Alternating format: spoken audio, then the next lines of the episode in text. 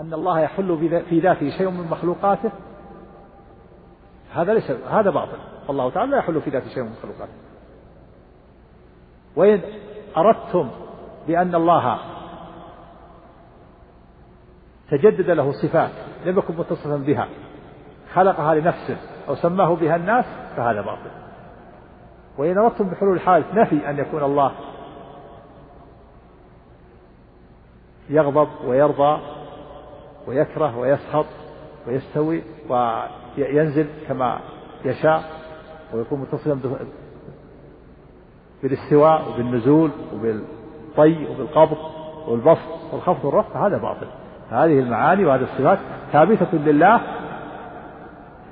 ولا نفيها عن الله بتسميتكم إياها لأنها حلول الحوادث بل نقول هذه الصفة ثابتة لله وقولكم إن تسميتكم لها بحلول الحوادث هذا باطل.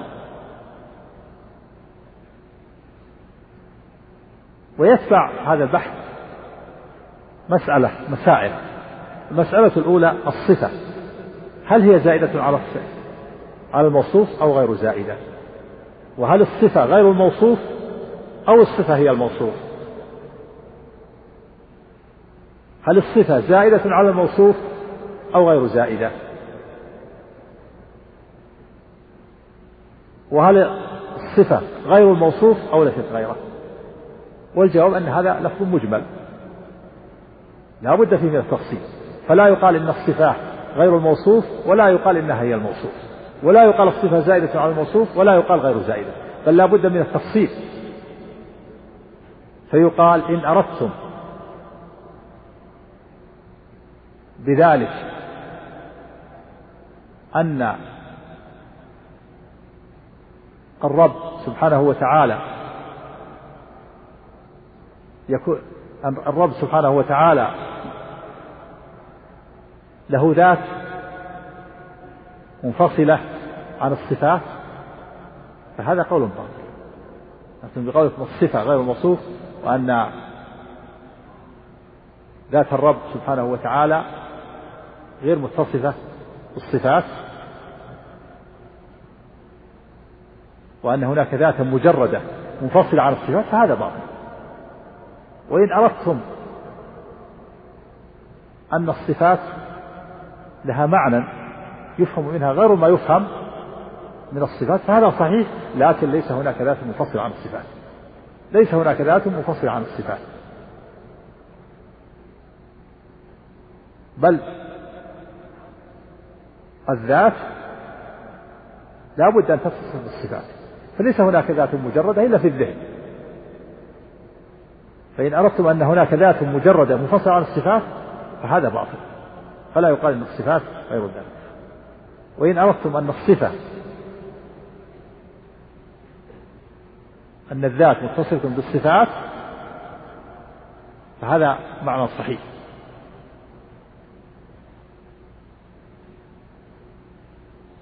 وهناك فرق بين أن يقال الصفة الصفات غير الذات وبين أن يقال الصفات غير الله.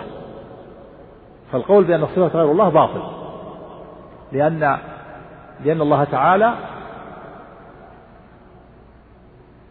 لأن اسم الله اسم له سبحانه وتعالى متصفا بصفاته.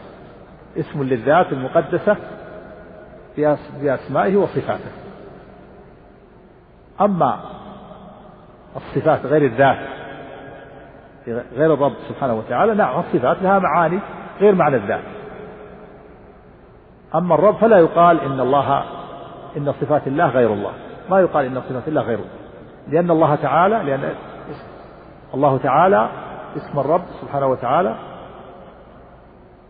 اسم الله اسم لذاته سبحانه وتعالى متصفا بالصفات. ولهذا استعاذ النبي صلى الله عليه وسلم بصفاته. قال أعوذ بعزة الله وقدرته من شر ما أجد وأحاذر قال أعوذ بكلمات الله التامات من شر ما خلق ولا يعوذ بمخلوق عليه الصلاة والسلام. اللهم إني أعوذ برضاك من سخطك وبمعافاتك من عقوبتك وبك منك. وأعوذ بعظمتك أن أغتال من تحتي استعاذ بالعظمة. أعوذ بنور وجهك الذي أشرقت له الظلمات. هذا استعاذة بالله. فالصفات لا تنفصل عن الذات. لا تنفصل عن الذات. فالله تعالى هو الذات المقدسة المتصفة بالصفات. فالله تعالى بذاته وصفاته وأسمائه هو الخالق وغيره مخلوق. فإن أريد أن هناك ذات منفصلة مجردة عن الصفات فهذا باطل. وإن أريد أن الذات متصلة بصفاتها؟ نعم فهذا صحيح.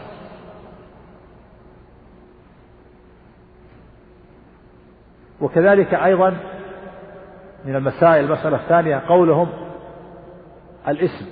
هل الاسم غير المسمى أو عين المسمى؟ هل الاسم هو المسمى أو الاسم غير المسمى؟ يقول اسم الله. هل هو المسمى أو غير المسمى؟ أيضا فيه تفصيل. فلا يقال إنه هو المسمى ولا غير المسمى. بل فيه تفصيل. فإن أريد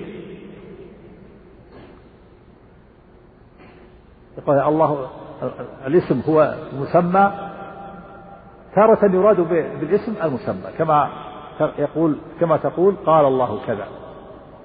كما تقول سمع الله لمن حمده. فالاسم يراد به المسمى.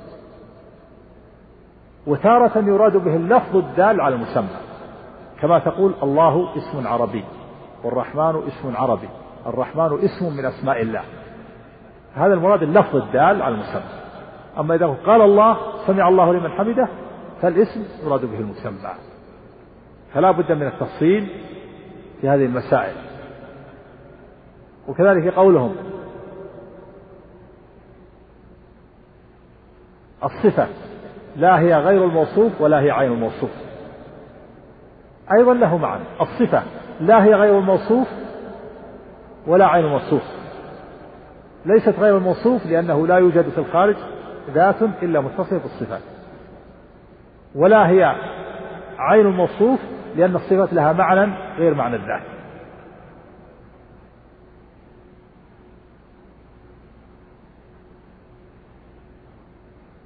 وعلى كل حال ف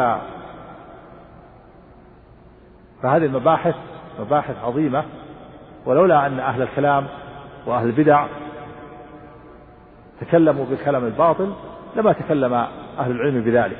ولكن وكان السلف والسابقون كانوا في عافية من ذلك. لكن لما تكلم أهل البدع بالكلام الباطل وملأوا بها الأوراق والكتب اضطر أهل العلم إلى رد الكلام الباطل. ومن ذلك قول الطحاوي رحمه الله أنه لم يزل متصلا بصفاته قبل خلقه وكما كان بصفاته أزليا كذلك لم يزل بصفاته أبدية المعنى أن الله تعالى متصف بصفاته بالأزل إلى ما لا نهاية في القدم فهو الأول سبحانه وتعالى بذاته وصفاته ليس قبله شيء. وهو الآخر بذاته وصفاته ليس بعده شيء. نعم. قال رحمه الله تعالى ليس بعد خلق الخلق استفاد اسم الخالق ولا بإحداث البرية استفاد اسم الباري. نعم ليس بإحداث ليس بعد خلق الخلق استفاد اسم الخالق. نعم ليس بعد الخلق. بعد الخلق استفاد اسم الخالق ولا بإحداث البرية استفاد اسم الباري. المعنى أنه سبحانه وتعالى اسمه الخالق واسمه الباري. لم يزل له هذا الاسم من أسماء الخالق ومن أسماء الباري. والله الخالق البارئ الذي برأ البرية وأحدثها. والذي خلق الخلق. هو لم يزل متصفا. بصفاته ولم يزل تزل له الأسماء الحسنى. لأنه سبحانه وتعالى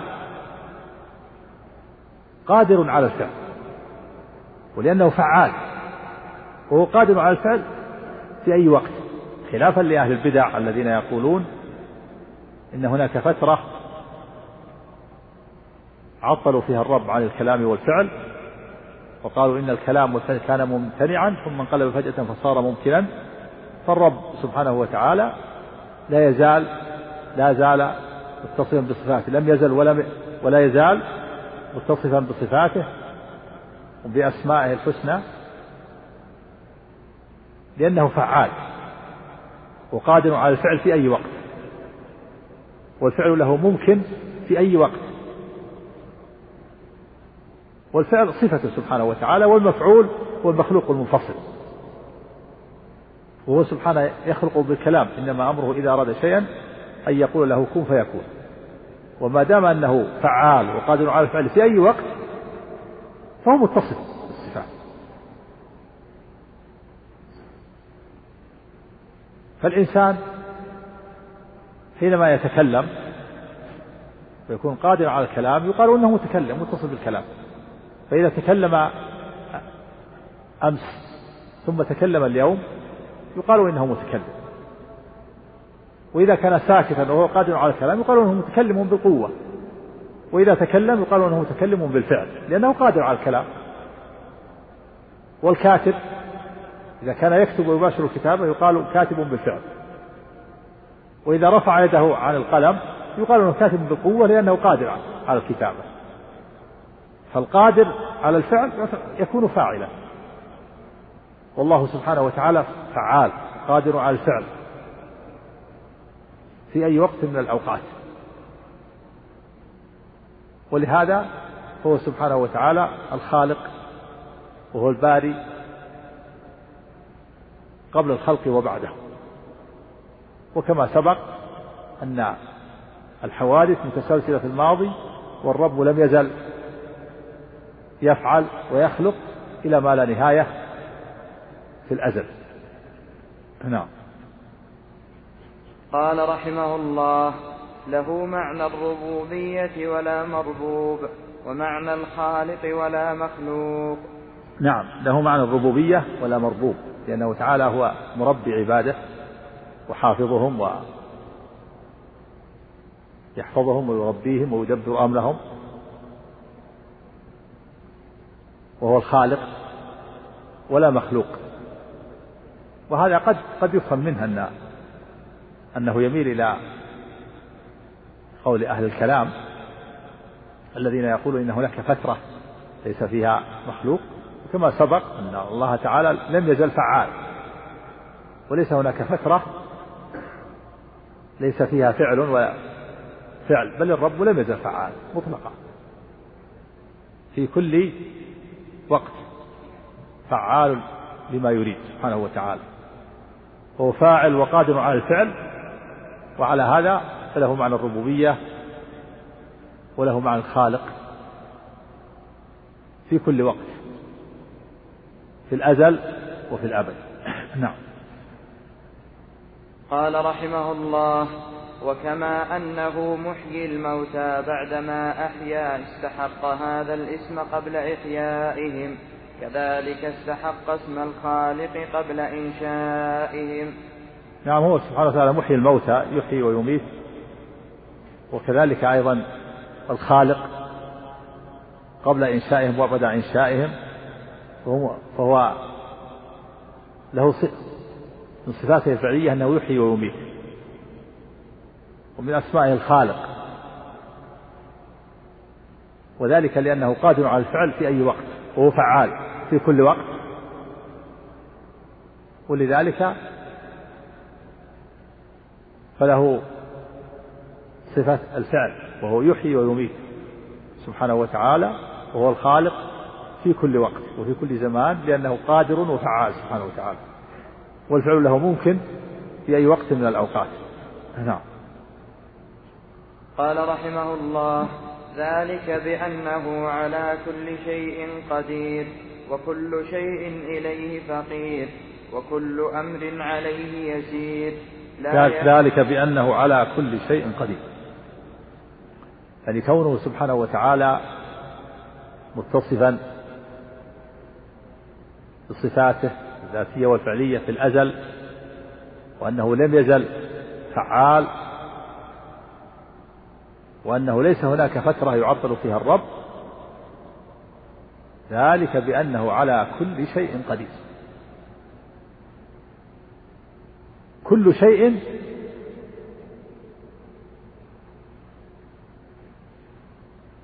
على الله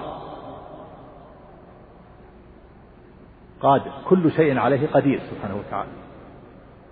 فهو على كل شيء قدير. وأراد بذلك الرد على المعتزلة الذين يقولون ما يقولون إن الله على كل شيء قدير بل يقولون إن الله على ما يشاء قدير لأن هناك شيء لا يقدر عليه الله عند المعتزلة وهي أفعال العباد. ولذلك تأولوا إنه على كل شيء قدير يقولون على كل شيء يقدر عليه على كل شيء قادر عليه وأفعال العباد لا يقدر عليها.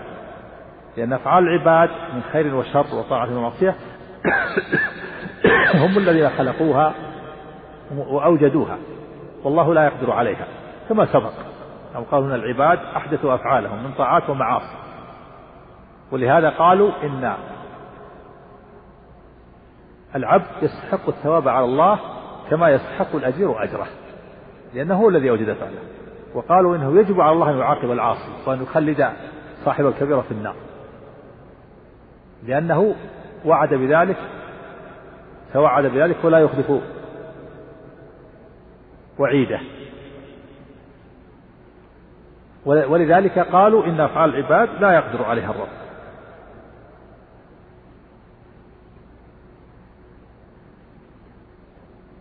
وليس هذا موضع الرد عليهم لكن لعله يأتي إن شاء الله في المستقبل. فهم يقولون لا يقول إن الله على كل شيء قدير بل يقول إنه على ما يشاء قدير. ولذلك إذا رأيت في بعض الكتب يذكر في آخرها وهو على ما يشاء قدير. فاعلم أن هذا يتمشى مع المعتزلة. ولا يرد على هذا قوله وهو على جمع قول الله تعالى وهو على جمعهم إذا يشاء قدير. فهذا مقيد بجمعهم وهو على جمعهم إذا يشاء قدير. فلا يقال إنه على ما يشاء قدير بل يقال إنه على كل شيء قدير. لأن معنى قول على ما يشاء قدير يفهم منه أن هناك شيء لا يشاءه الله فلا يقدر عليه وهي أفعال العباد. وهذا باطل لأنه تأول قوله على كل شيء قدير على كل شيء يقدر عليه. وعلى هذا ما قياس مذهبهم أن يقال ما يقال إن الله بكل شيء عليم أو يقال بكل شيء يعلمه عليم. إنه بكل شيء يعلمه. كما قالوا إنه على كل شيء يقدر عليه. على كل إنه على كل شيء مقدور الله قدير. فعل العباد فليست مقدورة الله. وهذا من أبطل الباطل. وهو مصادم لنصوص القرآن والسنة. الله تعالى يقول إن الله على كل شيء قدير. وكان الله على كل شيء مقتدرا. كل وكل من صيغ العموم. كل شيء كل ما يسمى شيئا فالله تعالى يقدر عليه. ولا يرد على هذا الممتنع الذي لا يمكن لأنه لا يسمى شيئا. فعند أهل السنة أن الله على كل شيء قدير. فالممتنع الذي لا يمكن وجوده لا يسمى شيئا. فلا يرد على هذا مثل قول مثل كون الشيء موجودا معدوما في وقت واحد. هل يقال إن هذا يقدر عليه الله؟ يكون الشيء موجود معدوم في وقت واحد؟ أو مثل قولهم هل يقدر على خلق مثل نفسه؟ ومثل قولهم هل يقدر على إعدام نفسه؟ والجواب أن هذا من الممتنع. هذه الأمور ممتنعة. لأنه لا يمكن إيجادها ولا يتصور إيجادها ولا تسمى شيئا باتفاق العقلاء. ما, ما تسمى شيء ليست داخلة في قول كل شيء. إن الله على كل شيء قدير. وكون الشيء موجودا معدوما لا يسمى شيء. ومثل خلق نفسه أو مثل إعدام نفسه لا يسمى شيئا ولا يتصور وجوده حتى يقال إنه شيء. لا يسمى شيء باتفاق العقلاء ولا يمكن وجوده ولا يتصور وجوده. فلا يكون داخلا في عموم كل شيء.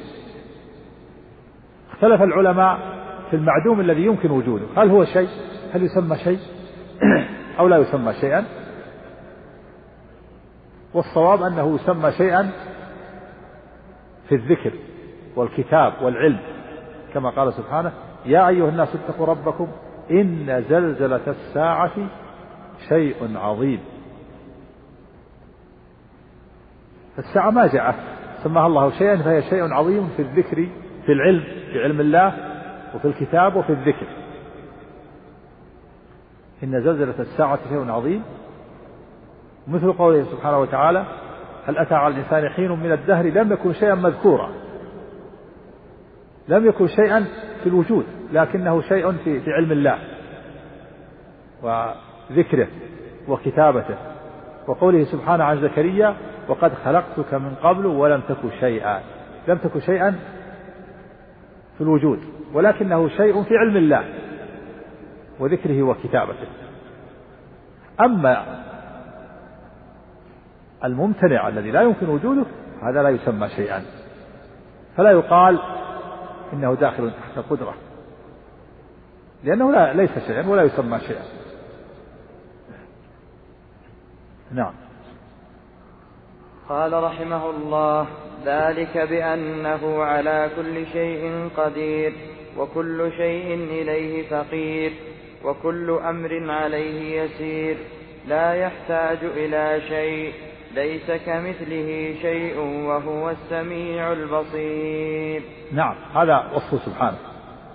كل على كل شيء قدير وكل شيء عليه يسير. كل شيء عليه يسير ليس هناك شيء عسير على الله سبحانه وتعالى. وكل شيء يسير عليه سبحانه وتعالى. فلا يعجزه شيء ولا يشق عليه شيء سبحانه وتعالى. أعد الجملة ذلك.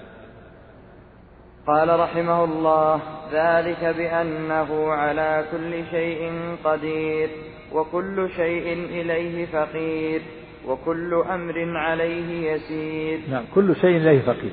كل شيء إليه فقير لأن المخلوقين كلهم فقراء إلى الله. كما قال سبحانه يا أيها الناس أنتم الفقراء إلى الله والله هو الغني الحميد. إن يشهد ويأتي بخلق جديد وما ذلك على الله بعزيز. يعني ليس ذلك شاق على الله بل هو كل شيء كل شيء يسير عليه. قال سبحانه والله الغني وأنتم الفقراء. وقال سبحانه وهو الذي يبدأ الخلق ثم يعيده وهو أهون عليه. هو يعني هين عليه. أهون بمعنى هين. فكل شيء هين على الله وكل شيء يسير على الله.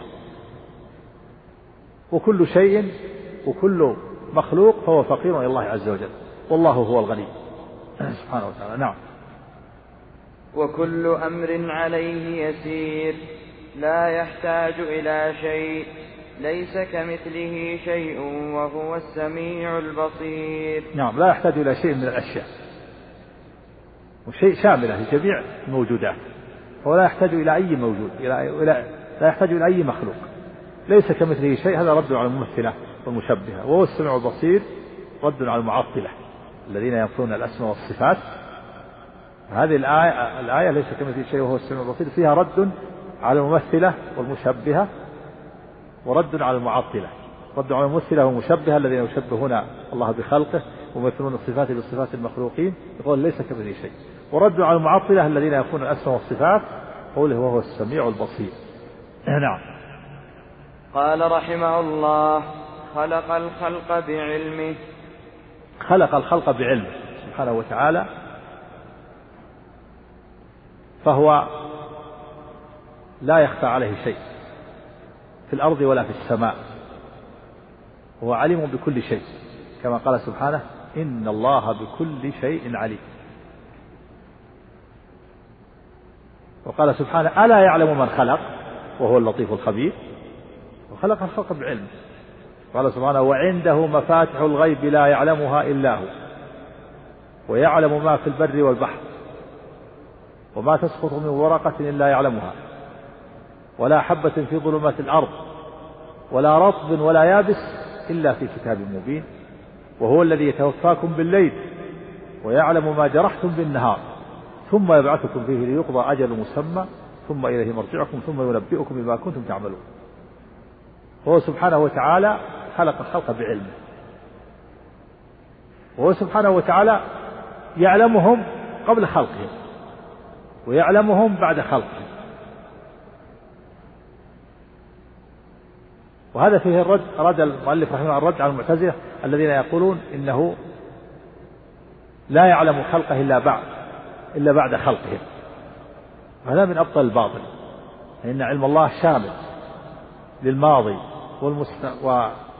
والحاضر والمستقبل.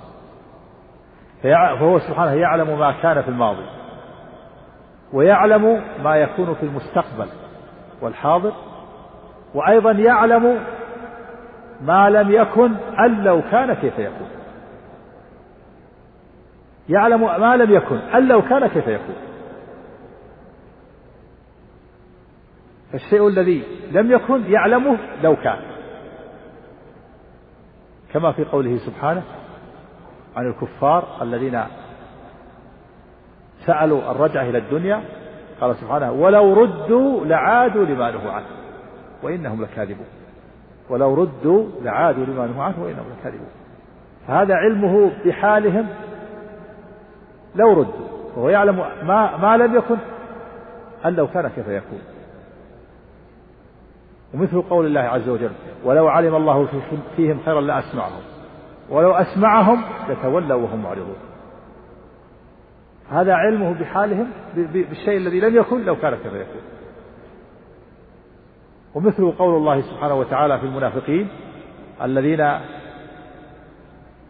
تخلفوا عن غزوة تبوك ولو أرادوا خروجا لأعدوا له عدة ولكن كره الله انبعاثهم فثبطهم وقيل اقعدوا مع القاعدين لو خرجوا فيكم ما زادوكم إلا خبالا ولأوضعوا خلالكم يبغونكم الفتنة وفيكم سماعون لهم والله عليم بالظالمين فهذا من علمه سبحانه وتعالى بما لم يكن أن لو كان ثم يكون يعلم سبحانه لو خرجوا ماذا ماذا يحصل لو خرجوا فيكم ما زادوكم إلا خبالا يعني شرا وسعوا بينكم بالشر والفتنة والفساد ولا أوضعوا خلالكم. يبغونكم الفتنة وفيكم سماعون لهم. والله عليم بالظالمين وهذا من لطفه سبحانه بعباده أن ثبطهم ومنعهم حتى لا يفسدوا على عباد الله المؤمنين. نعم. قال رحمه الله وقدر لهم أقدارا. قدر لهم أقدارا. الله سبحانه وتعالى قدر الأقدار. والآجال وجعل لكل شيء من مخلوقاته أقدارا وأجلا. قال سبحانه وقد خلق كل شيء فقدره تقديرا. وقال سبحانه لكل أجل كتاب.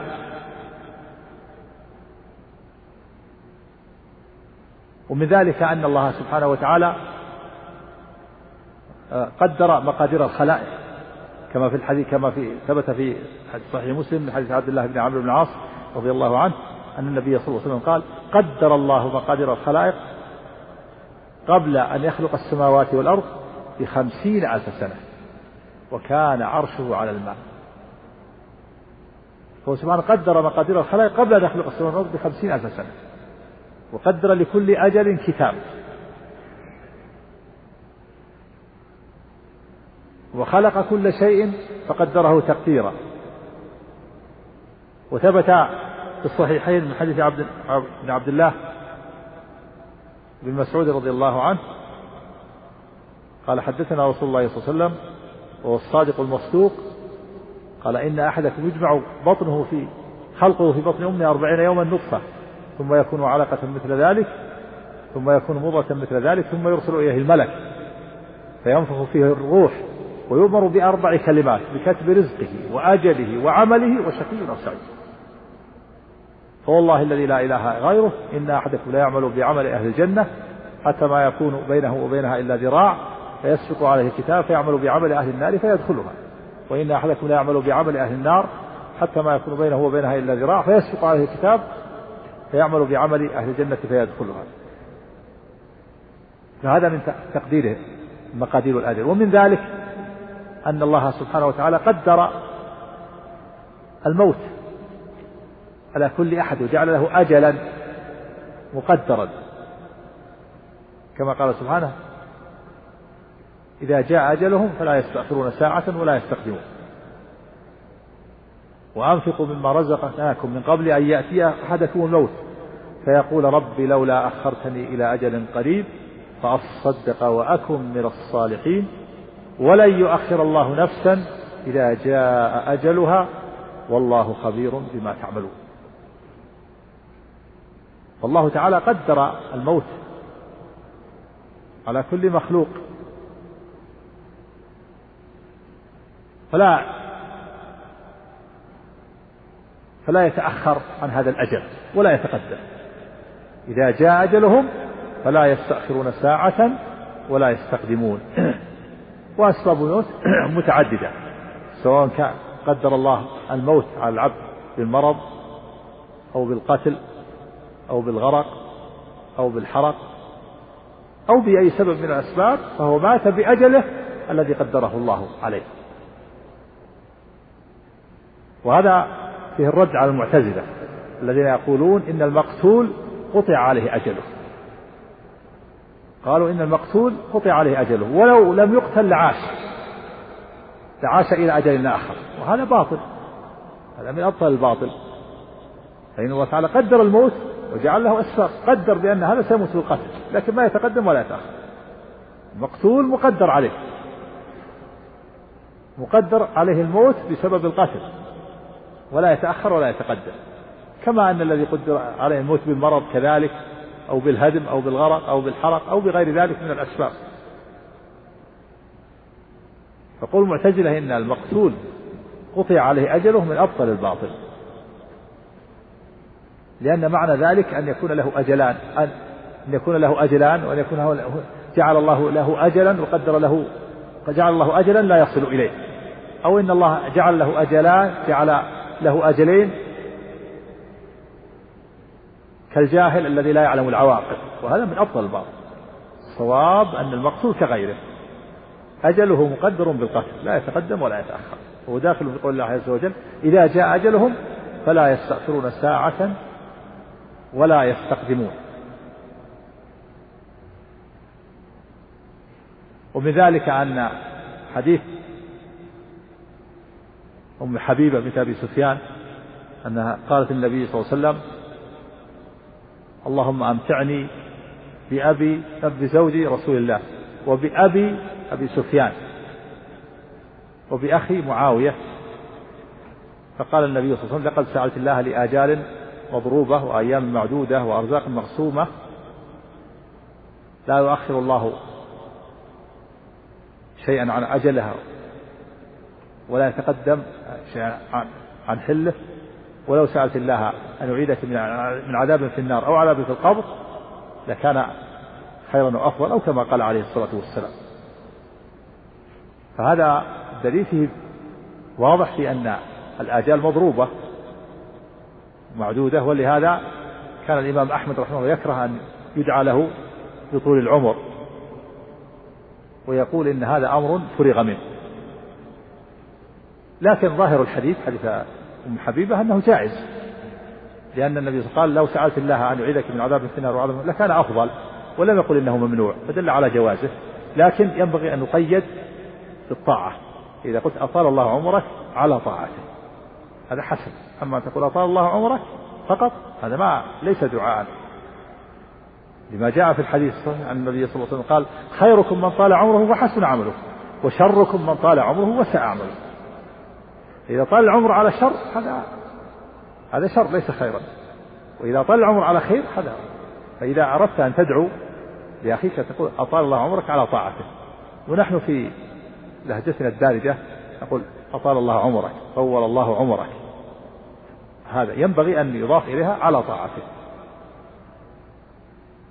حتى يحصل تحصل الفائدة فتكون الدعوة فيها فيها خير. وبهذا القدر نكتفي. نسأل الله أسأل الله لي ولكم العلم النافع والعمل الصالح. وأن يوفقنا جميعا للعمل الصالح الذي يرضيه. إنه على كل شيء قدير. وصلى الله وسلم وبارك على نبينا وسلم محمد وعلى آله وصحبه والتابعين. نعم. يقول السائل هل ثبت اسم القادر كونه من أسماء الله الحسنى وما الدليل عليه؟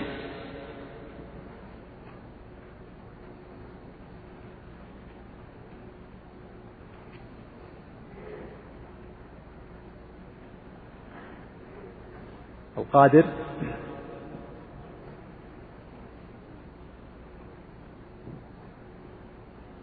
اسم القدير وعلى كل شيء قدير من أسماء الله. أما القادر يحتاج يحتاج إلى تأمل يحتاج إلى تأمل في وقت آخر إن شاء الله. نعم. أحسن الله إليكم. يقول السائل كثيرا ما يدعو الأئمة بهذا الدعاء في القنوت. يا حنان يا منان. فهل الحنان اسم من أسماء الله الحسنى؟ المنان نعم. بارك اللهم إن سورة بأن لك الحمد أنت المنان بديع السماوات والأرض. أما الحنان ما أذكر شيء يدل على هذا لكن أظن شيخ الإسلام ابن تيمية رحمه الله ذكر هذا. يحتاج إلى بحث ومراجعة. أما المنان ثابت. نعم. أحسن الله إليكم. يقول السائل سبق وأن ذكرتم فضيلتكم أنه لا يجوز الدعاء بالصفات مثل يا رحمة يا رحمة الله ارحميني وفي نعم. حديث عن الرسول صلى الله عليه وسلم قال أعوذ بعزة الله وقدرته من شر ما أجد وأحاذر فكيف الجمع بين القولين؟ الاستعاذة غير غير الدعاء. الاستعاذة جائزة. أعوذ بكلمات الله التامات من شر ما ثابتة. لأن لأن الله تعالى بذاته وصفاته هو المستعاذ به. يقول أعوذ بعزة الله وقدرته من شر ما أجد وأحاذر أعوذ بكلمات الله التامات من شر ما خلق. أعوذ بنور وجهك الذي أشرقت له الظلمات. أعوذ بعظمتك أن أغتال من تحتي. هذه كلها ثابتة. والاستعاذة بالصفات استعاذة بالله. لأن الله بذاته وصفاته. اللهم إني أعوذ برضاك من سخطك وبمعافاتك من عقوبتك. أدلة كثيرة. بخلاف النداء والدعاء. دعاء هذا هو الممنوع والذي قال الشيخ الإسلام إنه ردة لأن لأنه يشعر بفصل الصفة عن الذات ولأن فيه خطاب مناداة الله باسم الأنثى ويشعر بأن الصفة منفصلة. بخلاف الاستعاذة فإنه ثابت أدلته كثيرة كما سمعت وهو استعاذ استعاذ بالله وأسمائه وصفاته. وهذا توقيفي هذا ورد الاستعاذة واردة في أدلته كثيرة لا حصر لها. ومنه القسم كذلك بالعزة. قال الله عن إبليس فبعزتك لاغوينهم أجمعين. وفي قصة الرجل كما صحيح الذي هو آخر أهل النار خروجا منها وآخر أهل الجنة دخولا لا وعزتك. قسم العزة نعم. أحسن الله إليكم. يقول السائل كيف نقول إن الحوادث متسلسلة في الماضي؟ ورسول الله صلى الله عليه وسلم يقول كان الله ولا شيء معه. نعم كان الله ولا شيء قبله وكان الحديث كان الله ولم يكن شيء قبله وكان الله ولم يكن شيء معه وفي لفظ ولم يكن غيره. هذا مما استدل به شيخ الإسلام رحمه الله على هذا يفيد أن الله هو الأول ليس قبله شيء. ولا ينفي أن يكون فعالا. فعال من صفته. هو فعال فهو الله وليس معه شيء لأن كل فرد من أفراد الحوادث مسبوق بالعدم كل فرد من أفراد مسبوق بالحدث لكن لا لا نثبت فترة. نعطل فيها الرب. ما ما في منافاة. كان الله ولم يكن شيء قبله. والله هو الأول كما ومثل اسمه الأول. الأول هو الأول والآخر. والأول ليس قبله شيء. وكان الله ولم يكن شيء قبله وهو فعال لم يزل يفعل ولم يزل يخلق إلى ما لا نهاية. وكل خلق من مخلوقاته كل فرد من أفراد المخلوقات مسبوق بالعدم. أوجده الله بعد أن لم يكن. فالله هو الأول وهو ليس قبله شيء سبحانه وتعالى وليس قبله شيء. نعم فلا منافاة. أحسن الله إليكم. هنا سائل يقول أليس قوله تعالى قل هو القادر على أن يبعث عليكم عذابا من فوقكم؟ الآية دليلا على اسم القادر لله جل وعلا؟ بلى بلى دليل. نعم. هذه الآية دليل. نعم. أحسن الله إليكم. يقول السائل في قوله تعالى وأما الذين سعدوا ففي الجنة خالدين فيها إلا ما شاء ربك عطاء غير مجذوذ إشعارا بفناء الجنة. نريد كشف هذه الشبهة. ما فيه إلا ما شاء ربك في الجنة. هذا في النار. غلطت يا أخي في قراءة الآية. فأما الذين شقوا ففي النار لهم فيها زفير وشهيق خالدين فيها ما دامت السماوات والأرض إلا ما شاء ربك إن ربك فعال لما يريد. هذا في النار. وأما في الجنة وأما الذين سعدوا ففي الجنة خالدين فيها ما دامت السماوات والأرض إلا ما شاء ربك عطاء غير مجدود قال بعدها عطاء غير مجدود غير منقطع.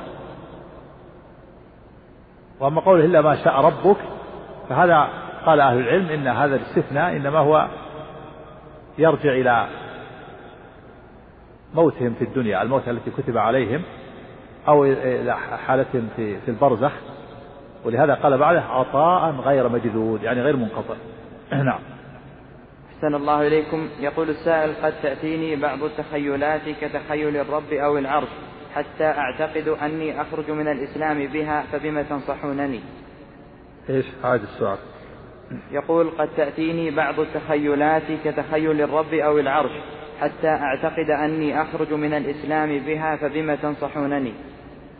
أنصحك بأن تقطع التفكيرة هذه والله تعالى وتعلم أن الله سبحانه وتعالى فوق ما يخطر بالبال أو يدور في الخيال. والله تعالى ليس لا, لا يماثل واحد من خلقه. وعليك أن تفكر بأسماء الله وصفاته. فكر بأسماء الله وصفاته. لأن العباد كما سيأتي يعلمون الله بأسمائه وصفاته. ولا يعلمون كنهه. لا يعلم كنهه وكيفيته إلا هو سبحانه وتعالى. ولهذا قال سبحانه ولا يحيطون به علما. أما مثلا تخيل العرش سهل. العرش مخلوق. نعم. أحسن الله إليكم. يقول السائل ذكرتم البارحة الكلام في أنواع جاء في الحديث آه، في حديث أبي هريرة أن الشيطان يأتي الإنسان يقول من خلق كذا من خلق كذا حتى يقول من خلق الله. قال ف قال النبي فإذا وجد ذلك أحدكم فلينتهي يعني يقطع التفكير وليستعذ بالله من الشيطان. وجاء في حديث آخر في غير الصحيحين وليقرأ الله أحد الله الصمد لم يلد ولم يولد ولم يكن له كفوا أحد. يقطع التفكير تفكير ويقول آمنت جاء في الحديث يقول آمنت بالله ورسله. الله أحد الله الصمد لم يلد ولم يولد ولم يكن له كفوا أحد. هذا يقطع التفكير ويقول آمنت بالله ورسله الله أحد الله الصمد لم يلد ولم يولد ولم يكن له كفوا أحد. ويفكر في أسماء الله وصفاته. نعم. أحسن الله إليكم. يقول السائل ذكرتم البارحة الكلام في أنواع الإرادة وبناء على ذلك فهل يجوز للشخص إذا سئل عن شيء لم يفعله من أمور العبادة أن يقول ما أراد الله ذلك؟ لا. لا يقول ما أراد الله ذلك إلا إذا أراد الإرادة الكونية. ما أراد ذلك. وأما إذا أراد الإرادة الدينية فلا فإن الله أراد ذلك وأحب من العبد أن يفعل الواجبات والمستحبات. وبالمناسبة أن الإرادتين الإرادة الكونية والإرادة القدرية من الفروق بينهما أن الإرادة الكونية لا يتخلف. لا تتخلف. لا يتخلف مرادها. بخلاف الإرادة الدينية فقد يتخلف فإذا أراد الله كونا وقدرا من العبد أن يفعل لا بد أن يقع لا يتخلف. فلا يتخلف أحد عن الموت إذا أراد الله له الموت. لا يتخلف. أما الإرادة الدينية فقد يقع مرادها وقد لا يقع. فالله تعالى أمر جميع الناس جميع المؤمنين قال وأقيموا الصلاة. منهم من الناس من صلى ومنهم من لم يصلي. ويجتمعان في حق المؤمن المطيع. يجتمع في حق المؤمن المطيع كأبي بكر. فالله أراد له الإيمان كونا وقدرا وأراد له الإيمان دينا وشرعا. وتتخلف الإرادة الدينية كما في أبي لهب. فالله أراد من أبي لهب الإيمان شرعا ودينا لكنه ما أراده كونا وقدرا. فوقع الإرادة الكونية. فإذا الإرادة الكونية لا يتخلف مرادها. والإرادة الدينية قد يتخلف مرادها الإرادة أيضا الإرادة الكونية تتعلق بفعل المريد وهو الله. والإرادة الدينية تتعلق بفعل العبد. الله أراد من العبد أن يصلي وأن يصوم. فإن أراده كونا وقدرا وقع. وإن لم يرد فلا يقع نعم. أحسن الله إليكم كيف يكون الجمع بين الآجال المضروبة وبين حديث وينسأ له في أجله وبين حديث إن الدعاء والقدر لا يعتلجان في السماء؟ نعم هذه من المباحث التي داخلة في هذا. ذكرنا السائل قوله قوله في الحديث إن إن صلة الرحم تزيد في العمر. في الحديث من أحب أن ينسأ له في أثره فليصل ومن أحب أن يبسط له في رزقه وينسأ له في أثره فليصل رحمه. هذه لا يزيد في العمر إلا الصلة أو كما ورد. فصلة الرحم تزيد في العمر بمعنى أن الله قدر هذا الشيء بسببه. قدر أن هذا يطول بعمره يطول عمره بصلة الرحم. قدر الأمرين صلة الرحم وطول العمر. وأنه لا بد من وقوع صلة الرحم لكن بالسبب فالقضاء ينقسم إلى قسمين. قضاء مبرم هذا لا لا يتخلى. وقضاء معلق بالسبب كما في حديث قدسي أن الله تعالى أن الله تعالى قال وإني إذا قضيت قضاء ويا محمد إذا قضيت قضاء فإنه لا يرد. يعني القضاء المبرم. أما القضاء غير المبرم المعلق بالسبب فهذا معلق بسببه ويقع بسببه. فمثلا قدر الله هذا على هذا أن يطول عمره بصلة الرحم. وقدر أن هذا ينقص عمره بقطيعة الرحم. فالأمران مقدران طول العمر والصلة الذي هو السبب. والأمران مقدران قصر العمر والسبب الذي هو القطيعة. وأما قوله تعالى وما يعمر من معمر ولا ينقص من عمره إلا في كتاب. فالمراد وما ينقص من عمر معمر آخر. وما يعمر من عمره وما يعمر من معمر ولا ينقص من عمره. كقولك عندي درهم ونصفه. عندي درهم ونصفه يعني نصف درهم آخر. وهذا الدرهم الأول؟ عندي درهم ونصفه. يعني عندي درهم ونصف درهم آخر. مثل قوله تعالى وما يعمر من معمر ولا ينقص من عمره أي عمر معمر آخر إلا في كتاب. وكذلك أيضا الدعاء. قد يكون سبب. إذا قدر الله أن أن يحصل كتب الله أن يحصل المقدور. بهذا السبب يكون الأمران مقدران. نعم. سن الله إليكم. يقول السائل هل يجوز الحلف بمثل هذه العبارات وحياة الله أو علم الله أو مصحف الله أو كلام الله؟ نعم وعلم الله وحياة الله وكلام الله. أما ومصحف الله لا ما يصلح. ما يقال ومصحف الله. أو يقول والمصحف لأن المصحف فيه كلام الله وفيه غيره. فيه الورق وفيه المداد وفيه الكتابة هو مخلوق. فلا يقول والمصحف يقول وكلام الله لا بأس. بكلام الله بعلم الله بحياة الله صفة من صفاته. من عزة الله؟ مثل قول قول الله تعالى عن ابي بعزتك قول الرجل الذي هو آخر أهل الجنة خروجا من النار. لا وعزتك. لا أسألك غيره. نعم. سن الله إليكم. يقول السائل هل طبقة الموحدين في النار تفنى بعد خروجهم منها أو لا؟ قال بعض أهل العلم إن إنه ما جاء من الآثار على النار تفرى فهو محمول على الطبقة التي فيها العصاة وعلى كل حال فهم يخرجون من النار. وأما نار الكفار فهي باقية باقية مستمرة. نسأل الله السلامة والعافية. نعم. أبد الآباد. نعم. أحسن الله إليكم يقول السائل إن الله قبل كل شيء وهذا معلوم. أليس هذا فيه أن هناك فترة كان الله ولم يكن شيئا موجودا سواه؟ وأليس هذا يدل على أن الحوادث لها بداية وليس لها نهاية؟ هذا كلام أهل البدع كما سمعت. لا نعيد الكلام مرة أخرى. نعيده مرة أخرى. ارجع إلى الكلام الآن. ارجع إلى الشريط واسمع الكلام. أهل البدع يقولون في فترة وأهل السنة يقول ما في فترة. كان الله ولم يكن شيئا قبله ما يلزم يكون فترة. لأن الرب فعال والفعل صفة كمال ولم يزل الرب. يفعل. يكونك توجد فترة تمنع تجعل الرب تعطل الرب من الكمال هات الدليل على الفترة ما في دليل. ولكن وكون الله قبل كل شيء وهو الأول لا يمنع أن يكون أن يكون فعال في كل وقت. كل فرد من أفراد الحوادث مسبوق بالعدم. كائن بعد أن نعم. أحسن الله إليكم. يقول السائل كيف نرد على من قال إن قولنا إن صفات الله إن صفات الأفعال حادثة الآحاد. إيش؟ كيف كيف نرد؟ كيف نرد على من قال إن قولنا إن صفات الأفعال حادثة الآحاد يلزم عليه أن يكون الله محلا للحوادث. لا يلزم لأن هذا بالنسبة للمخلوق. لأن صفات الخالق ليست كصفات المخلوق. هذا يلزم بالنسبة للمخلوق. أما الله فلا يلزم لأن الله ليس كمثله شيء كما أخبر عن نفسه ليس كمثله شيء وهو السميع البصير. نعم.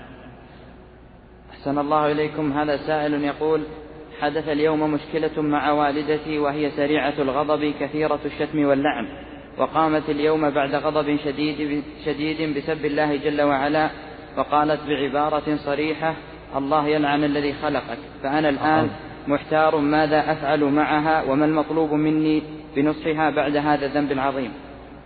لا حول ولا قوة إلا بالله. إن كان الغضب سيطر عليها حتى أنا حتى لا حتى إنها فقدت عقلها وفكرها فلا تؤاخذ. إن كان معها شعور فهذه ردة عن الإسلام نعوذ بالله. عليه التوبة والاستغفار والندم. وعليك بعد ذلك أن تتوب إلى الله إن كنت تسببت في غضبها وإغضابها. عليك أن تبتعد عن كل ما يغضبها أن تخرج من البيت. ولا وليس لك أن تسبب. ليس لك أن تسبب في إغضابها. كيف تسبب في غضبها؟ مهما كانت الحال لا لا تسبب في غضبها. ولو في أمور مكروهة. فالمقصود أن كان إن كان غاب شعورها ولا تعقل فتكون مرفوع عنها القلم لأنها لا, لا عقل لها. تكون داخلة رفع القلم على ثلاثة. وإن كان معها شعورها فهذه ردة على الإسلام نسأل الله السلامة والعافية. الواجب التوبة عليها التوبة والندم على ما مضى والعزم الجازم على عدم العودة وأنت أيضا تأثر عليك إثم عظيم إن كنت متسببا في غضبها. عليك التوبة والاستغفار والندم على ما مضى ولا تعد لإغضابها مرة أخرى. نعم. أحسن الله إليكم. السؤال الأخير يقول ما هي أشهر كتب المعتزلة والأشاعرة في هذا الزمان حتى لا نقع فيها؟ هذه لا الأحسن لا نذكر الكتب هذه. كتب المعتزلة والأشاعرة كثيرة. عبد الجبار المعتزلي له الأصول الخمسة جوهرة التوحيد في مذهب الأشاعرة وغيرها كتب لا حصر لها فلا داعي إلى ذكرها إنما عليك أن تسعى عن كتب أهل السنة والجماعة. وفق الله الجميع لطاعته ورزق الله جميع المنافع صلى الله على محمد بسم الله الرحمن الرحيم. الحمد لله رب العالمين والصلاة والسلام على أشرف الأنبياء والمرسلين. نبينا محمد وعلى آله وصحبه أجمعين. قال الإمام الطحاوي رحمه الله تعالى وقدر لهم أقدارا وضرب لهم آجالا. بسم الله الرحمن الرحيم. الحمد لله رب العالمين. والصلاة والسلام على نبينا محمد وعلى آله وصحبه أجمعين. أما بعد قد سبق الكلام على هاتين الجملتين قدر لهم أقدارا وضرب لهم آجالا وأن الله تعالى جعل لكل شيء قدرا كما قال سبحانه. وقدر كل شيء وخلق كل شيء فقدره تقديرا. وسبق أنه أن الله سبحانه ضرب الآجال وجعل لكل نفس أجل. إذا جاء أجلهم فلا يستخرون ساعة ولا يستقدمون. سبق الكلام على حديث أم حبيبة. نعم. قال رحمه الله ولم يخف عليه شيء قبل أن يخلقهم وعلم ما هم عاملون قبل أن يخلقهم. في هذا إثبات علم الله عز وجل. سبق الكلام على علم الله والأدلة والمؤلف كرر قال خلقهم بعلمه ثم قال لم يخفى عليهم شيء قبل أن يخلقهم. والمعنى أن علم الله سبحانه وتعالى سابق للمقادير ومراتب القدر كما هو معلوم أربع. المرتبة الأولى العلم الشامل بجميع الكائنات.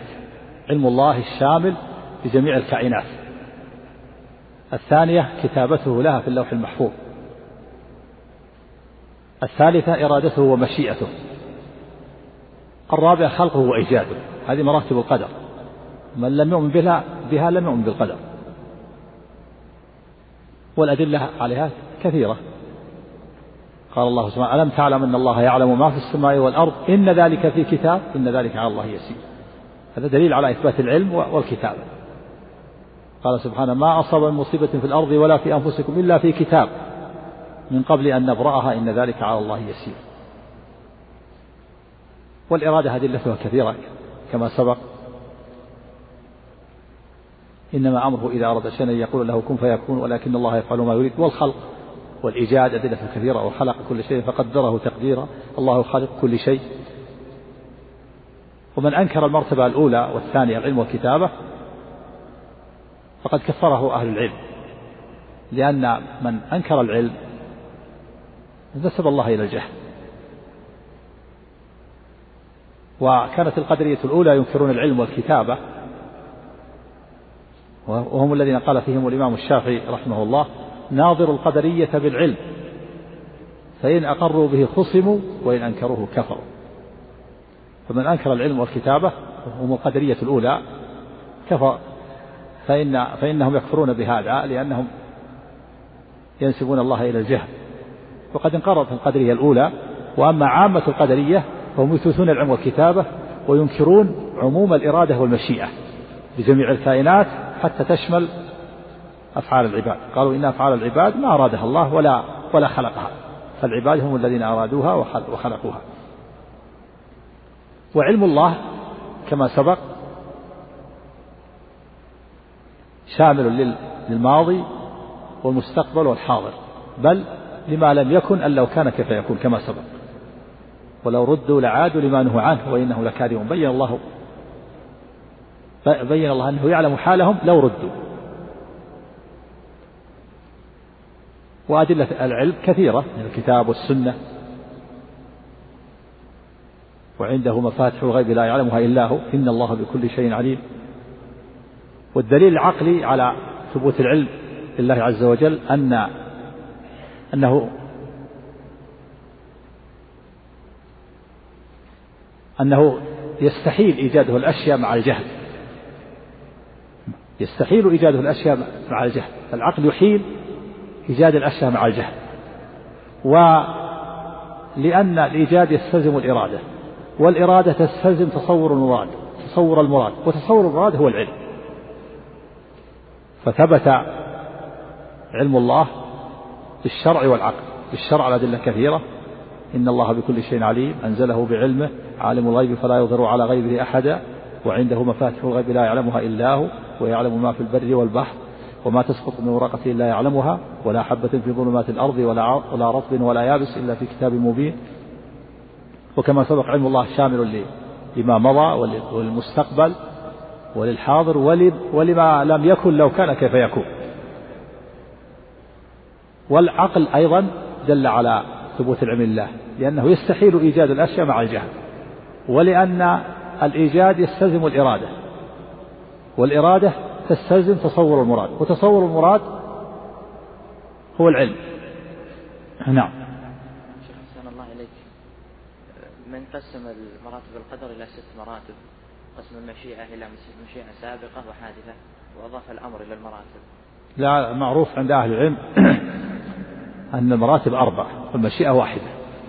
المشيئة ما تنقسم مشيئة واحدة والإرادة تنقسم إلى قسمين إرادة كونية وإرادة. هذه أنها أربعة والشيخ الإسلام رحمه الله جعلها على درجتين وكل درجة تتضمن مرتبتين.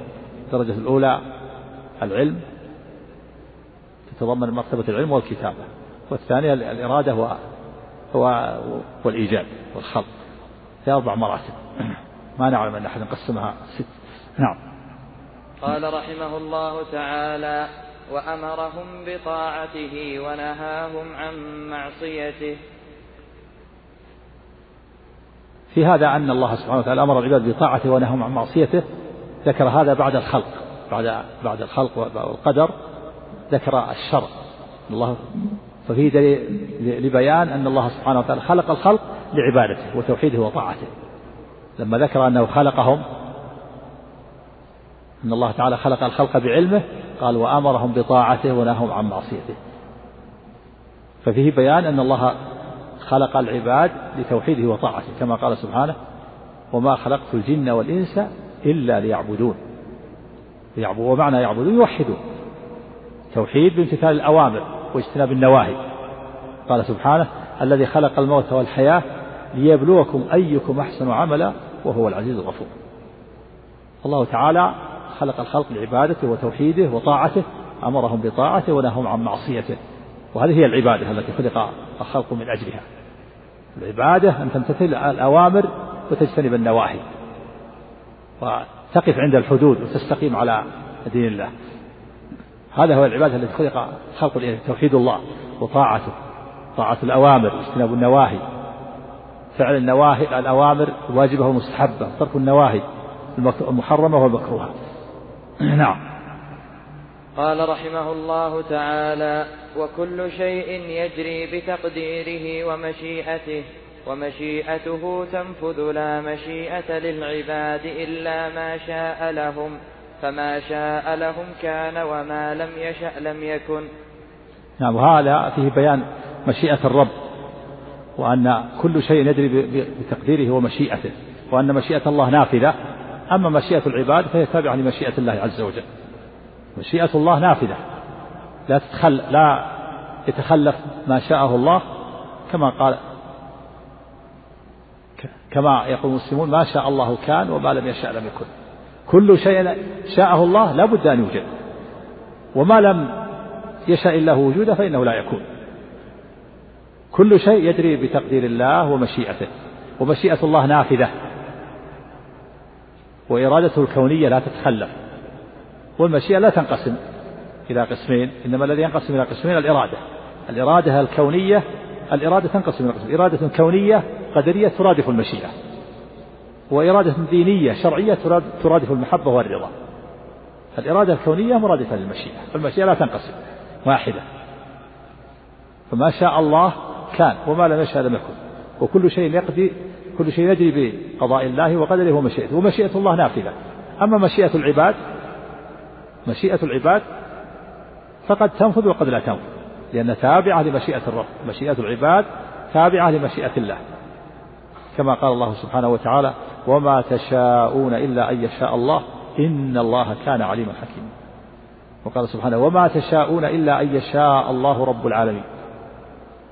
وقال سبحانه ولو أننا نزلنا إليهم الملائكة وكلمهم الموتى وحشرنا عليهم كل شيء قبلا ما كانوا ليؤمنوا إلا أن يشاء الله.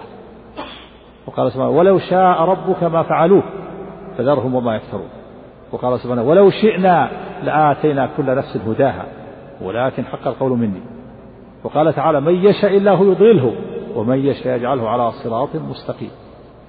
وقال سبحانه فمن يريد الله أن يهديه يشرح صدره للإسلام ومن يريد أن يضله يجعل صدره ضيقا حرجا كأنما يصعد في السماء والإرادة الكونية هي مرادفة للمشيئة.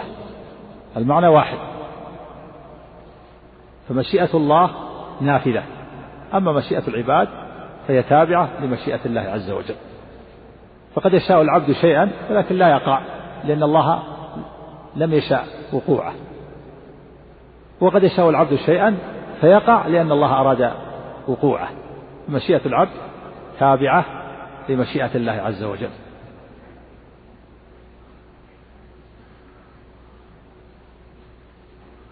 و وقد أنكر الله سبحانه وتعالى على الكفار احتجاجهم بالمشيئة بقوله عز وجل وقال الذين أشركوا لو شاء الله ما أشركنا و... وقال الذين أشركوا لو شاء الله ما, ما أشركنا ولا آباؤنا ولا حرمنا من دونه من شيء كذلك كذب الذين من قبلهم حتى ذاقوا بأسنا. قل هل عندكم من علم فتخرجوه لنا؟ إن تتبعون إلا الظن وإن أنتم إلا تخرصون الآية من سورة الأنعام. وقال سبحانه وقال الذين أشركوا لو, لو شاء الله ما ما عبدنا من دونه من شيء نحن ولا آباؤنا. وقال الذين أشركوا لو شاء الله ما أشركنا ولا آباؤنا. وقال الذين أشركوا لو شاء الله ما عبدنا من دونه من شيء نحن ولا آباؤنا. كذلك فعل الذين من قبلهم فهل على الرسل إلا البلاغ المبين. الآية من سورة النحل.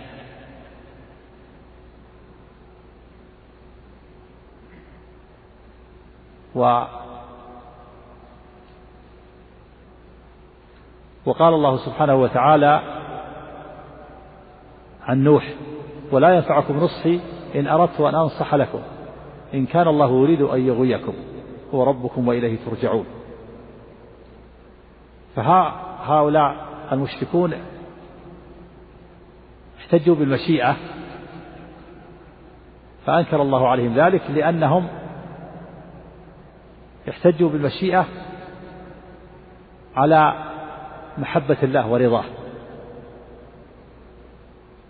فاستدلوا بها على أن على أن ما شاءه الله أحبه ورضيه وأن المشيئة دليل على محبته ورضاه. ولولا أنه شاء لولا أنه أحبه ورضيه لما شاءه. فأنكر الله عليهم ذلك لأن الله قد يشاء الشيء ولا يرضاه ولا يحب أو إنهم جعلوا أو أن الله أنكر عليهم أنهم جعلوا المشيئة دليل على الرضا والمحبة. أو أنهم عارضوا شرع الله عارضوا شرع الله ودينه بمشيئته عارضوا عارضوا قضاء الله وقدره بالشرع فهم عارضوا دين الله وشرعه بالمشيئة. لو شاء الله ما أشركنا. فأنكر الله عليهم ذلك. فلا يعارض ما شرعه الله بالمشيئة. المشيئة والإرادة الكونية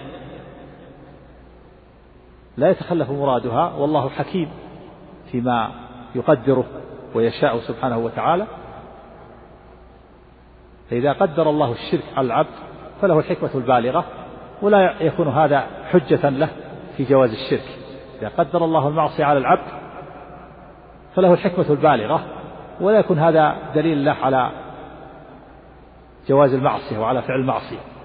فلهذا أنكر الله عليهم نعم.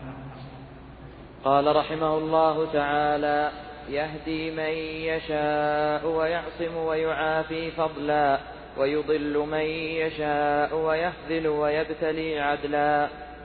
ما, ما قبل هذا شيء جمل. وكل شيء يجري بتقديره ومشيئته ومشيئته تنفذ لا مشيئة للعباد إلا ما شاء لهم فما شاء لهم كان وما لم يشأ لم يكن. ما في عندك زيادة؟ أو يهدي من يشاء. بعض النسخ زيادة. في زيادة. سقطت عندك. لا. وهو متعال عن الأضداد والأنداد. ها؟ تأتي بعده. إذا الترتيب يختلف. الترتيب طيب. أعد الجملة. يهدي. يهدي من يشاء ويعصم ويعافي فضلا ويضل من يشاء ويخذل ويبتلي عدلا. هذا فعله سبحانه وتعالى. يهدي من يشاء ويعصم ويعافي فضلا منه وإحسانا. ويضل ويبتلي عدلا منه وحكمة ويهدي ويعصم ويعافي فضلا ويضل ويبتلي حكمة منه وعدلا سبحانه وتعالى. وهذه مسألة وهي مسألة الهدى والضلال مسألة عظيمة. من أهم مسائل القدر. حتى إن العلامة ابن القيم رحمه الله قال إنه قلب أبواب القدر مسألة الهدى والضلال. هذه تسمى مسألة الهدى والضلال. قلب أبواب القدر ومسائله. وأراد المؤلف رحمه الله الطحاوي الرد على القدرية والمعتزلة الذين يقولون إنه يجب على على الله فعل الأصلح للعبد. يقولون يجب على الله فعل الأصلح للعبد وهي مسألة الهدى والضلال.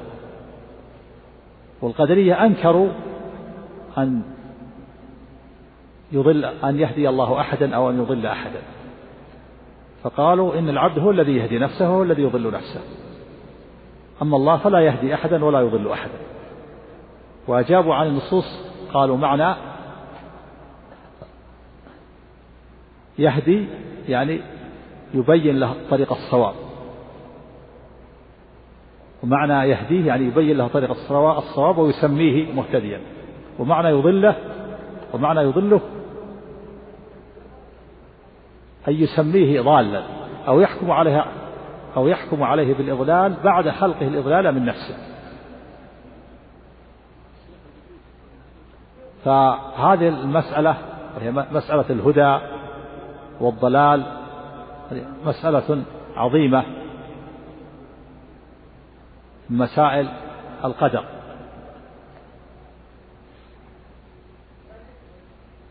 ولا بد من بيان مراتب الهداية وأقسامها حتى يتبين هذا الباب. الهدى الهدى مراتب الهداية أربع.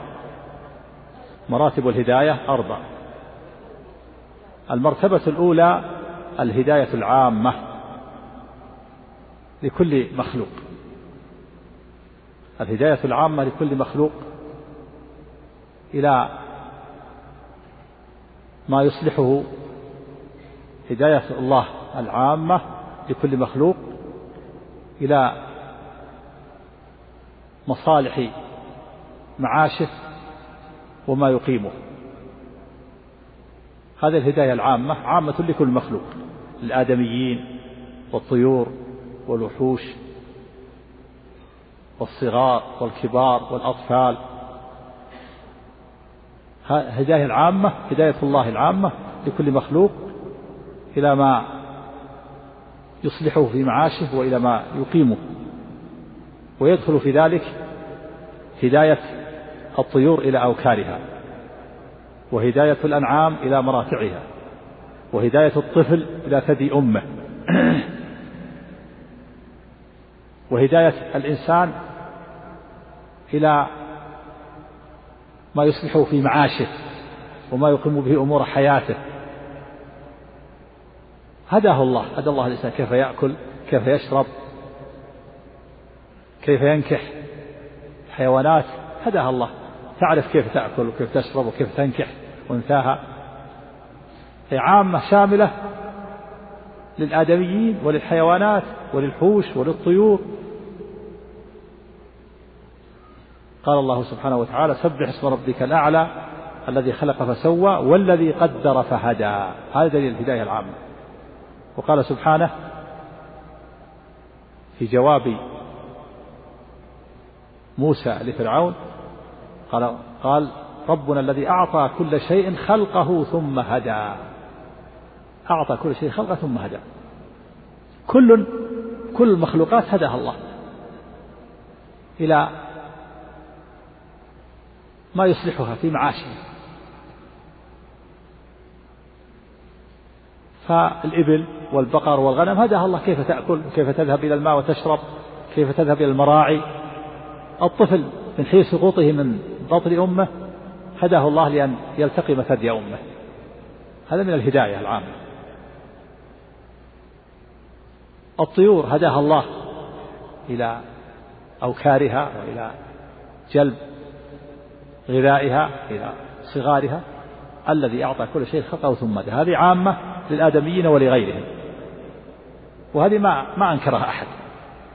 النوع الثاني من الهداية المرتبة الثانية هداية البيان. والدلالة والإرشاد والتعليم والدعوة والإبلاغ. التعليم والدعوة إلى ما يصلح الإنسان في معاده وهذه خاصة بالآدميين خاصة بالمكلفين من الجن والإنس خاصة بالمكلفين من الجن والإنس. هداية تسمى هداية البيان والدلال والإرشاد والدعوة والتعليم والإبلاغ والدعوة إلى ما يصلح الإنسان في في معاده يوم يوم القيامة إلى ما يكون سببا في نجاته من النار. وأدائه ما أوجب الله عليه. وهذه المرتبة هي حجة الله على خلقه. لا يعذب الله أحدا حتى تقوم عليه الحجة وحتى يهدى هذه الهداية.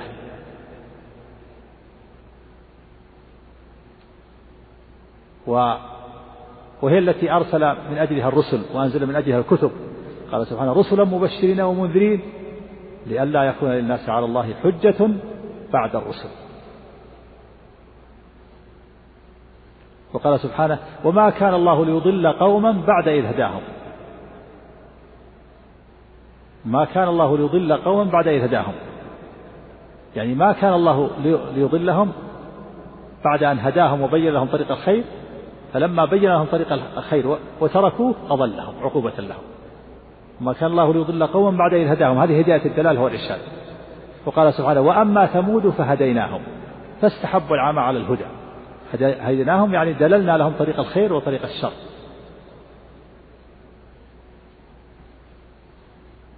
وأما ثمود فهديناهم فاستحبوا العمى على الهدى. فلما بين الله لهم طريق الخير وطريق الشر واستحبوا العمى على الهدى جاءتهم العقوبة. فأخذتهم صاعقة العذاب الهون بما كانوا يكسبون. وهذه الهداية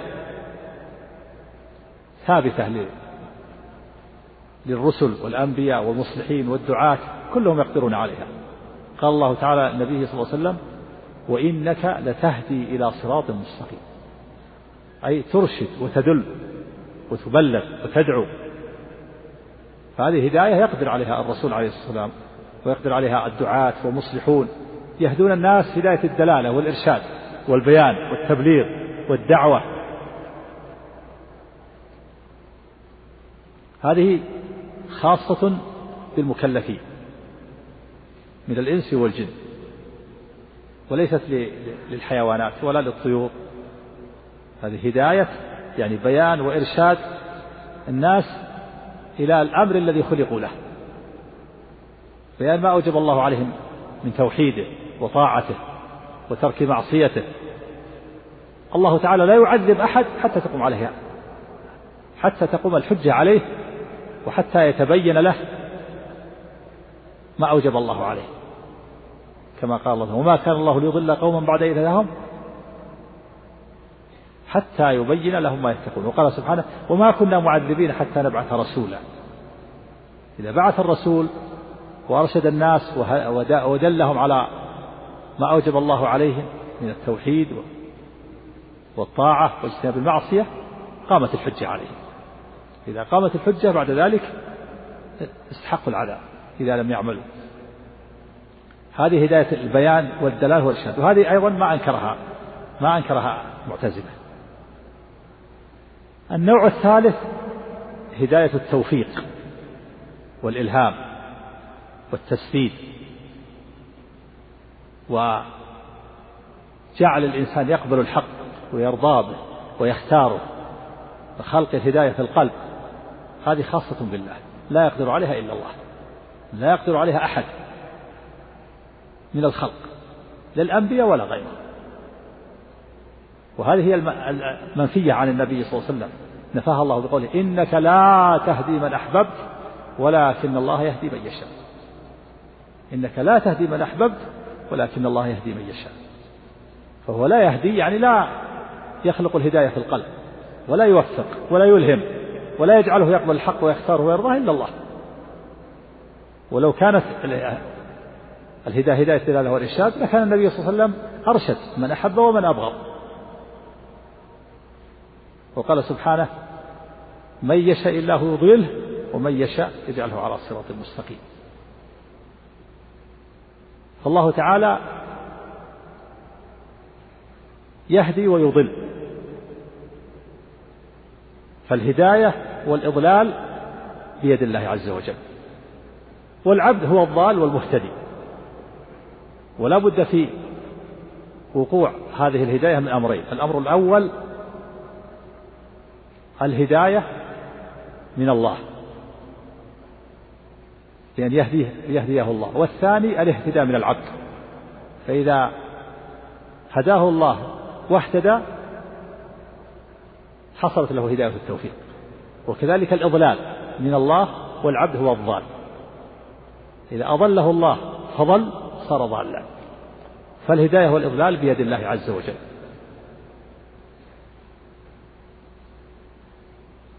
وقد اتفقت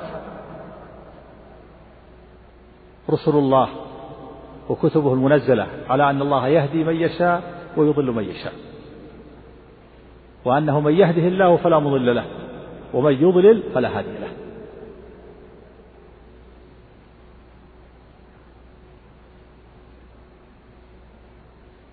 وهذه المسألة مسألة الهدى الهداية والإضلال مسألة عظيمة لأن أفضل ما يقدره الله على العبد وأجل ما يقسمه له هو الهداية. وأعظم ما يبتلي الله به العبد. وأعظم مصيبة تصيبه هو أن يقدر الله عليه الإضلال. وكل نعمة فهي دون نعمة الهداية. وكل مصيبة فهي دون مصيبة الإضلال. فلذلك كانت الهداية والإضلال بيد الله عز وجل. هذه المرتبة أنكرها المعتزلة والقدرية. أنكروها. فأنكر, فأنكر عليهم أهل السنة وبدعوهم وضللوهم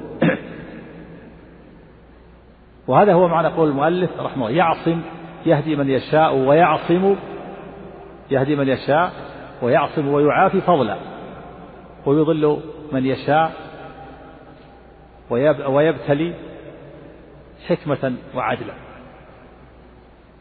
المعتزلة والقدرية قالوا الهداية والإضلال بيد العبد وليس بيد الله الهداية والإضلال أنكروا هذه المرتبة أنكر عليهم أهل السنة وقالوا النصوص واضحة في أن الله سبحانه وتعالى بيده الهداية والإضلال قال ولو شئنا لآتنا كل نفس هداها ولكن حق القول منا. ولو كانت الهداية بيد بيد لو كانت الهداية بيد العبد لما قيدها بالمشيئة.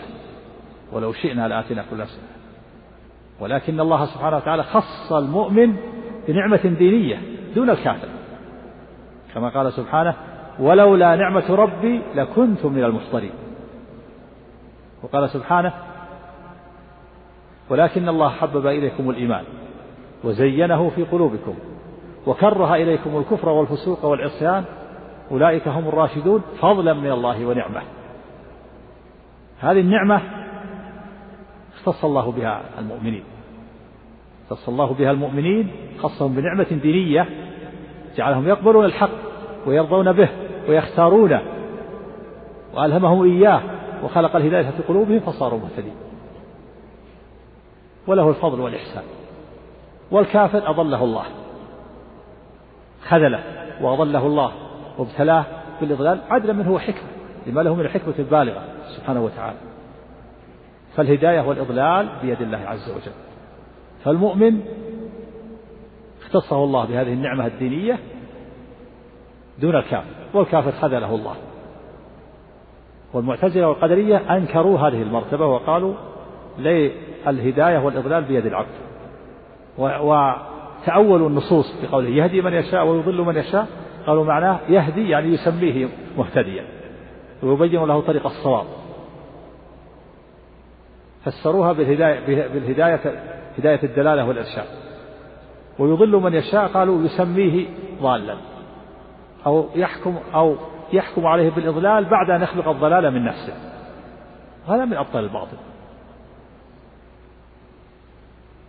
القدرية يضربون مثلا في هذا. والله تعالى قال فلا تضربوا لله الأمثال. لكنهم يضربون مثلا. يقولون إن الله تعالى لم يهدي أحدا ولم يضل أحدا. ولكن العبد هو الذي اختار الهداية بنفسه وخلق الهداية لنفسه. والكافر اختار الإضلال وخلق الإضلال لنفسه واختار الإضلال بنفسه. والله, والله تعالى لم يخص المؤمن بنعمة دينية ولم يخذل الكافر. وهذا مبني على شبهتهم السابقة وهو أنه لو لو هدى هؤلاء وأضل هؤلاء لكان لكان هذا جورا والله عادل لا يجور. سبق الجواب على هذه الشبهة وأن الله له الحكمة البالغة فيما يقدره وأن الله عاقبهم لما لم يستجيبوا للحق بعد ظهوره ووضوحه عاقبه كما سبق في الآية. وما كان الله ليضل قوما بعد إذ هداهم حتى يبين لهم ما يتقون. فلما بين لهم ما يتقون واتضح لهم الأمر. فلم يقبلوه أضلهم الله عقوبة. قال سبحانه فلما زاغوا أزاغ الله قلوبهم. وقال سبحانه ونقلب أفئدتهم وأبصارهم كما لم يؤمنوا به أول مرة. ونذرهم في طغيانهم يعمهون. فقالوا مثل الله في ذلك؟ مثل رجل له ابنان. أعطاهما أعطى كل واحد منهما سيفا. وقال لهما جاهدا به في سبيل الله. فالأول أطاع والده وجاهد به في سبيل الله. والثاني عصى والده وجعل يستعرض رقاب المسلمين ويقتل المسلمين به. هذا اختار طريق الحق وهذا اختار طريق الضلال. من نفسه هذا من نفسه وهذا من نفسه والله تعالى ما خص الأول بهداية ولا خص ولا خص الثاني بالأغلال وهذا من أبطال الباطل. هذا باطل. فمرتبة الهداية هداية التوفيق والتسديد هذه خاصة بالله عز وجل.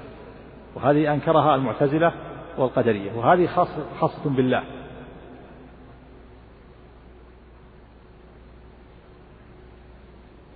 وأما الهداية الثانية هداية الله والإرشاد هي حجة الله على خلقه. لا يعذب أحدا حتى يهديه هداية الدلالة والإرشاد كما سبق وأما ثمود فهديناهم. ولو شئنا لآتينا كل نفس هداها. والآيات والنصوص في بيانها كثيرة. قوله سبحانه وتعالى أن تقول نفس يا حسرة على ما فرطت في جنب الله وإن كنت لمن الساخرين. أو تقول لو أن الله هداني لكنت من المتقين. والمرتبة الرابعة الهداية إلى طريق الجنة والنار يوم القيامة. فالكفار يهديهم الله إلى النار والمؤمنون يهديهم الله إلى الجنة. قال سبحانه وتعالى في الكفار احشروا الذين ظلموا وأزواجهم وما كانوا يعبدون من دون الله فاهدوهم إلى صراط الجحيم. فاهدوهم إلى صراط احشروا الذين ظلموا وأزواجهم وما كانوا يعبدون من دون الله فاهدوهم إلى صراط الجحيم. الآية من سورة الصافات. وقال سبحانه في المؤمنين والذين قتلوا في سبيل الله فلن يضل أعمالهم. سيهديهم ويصلح بالهم ويدخلهم الجنة عرفها لهم فهذه هداية بعد قتلهم.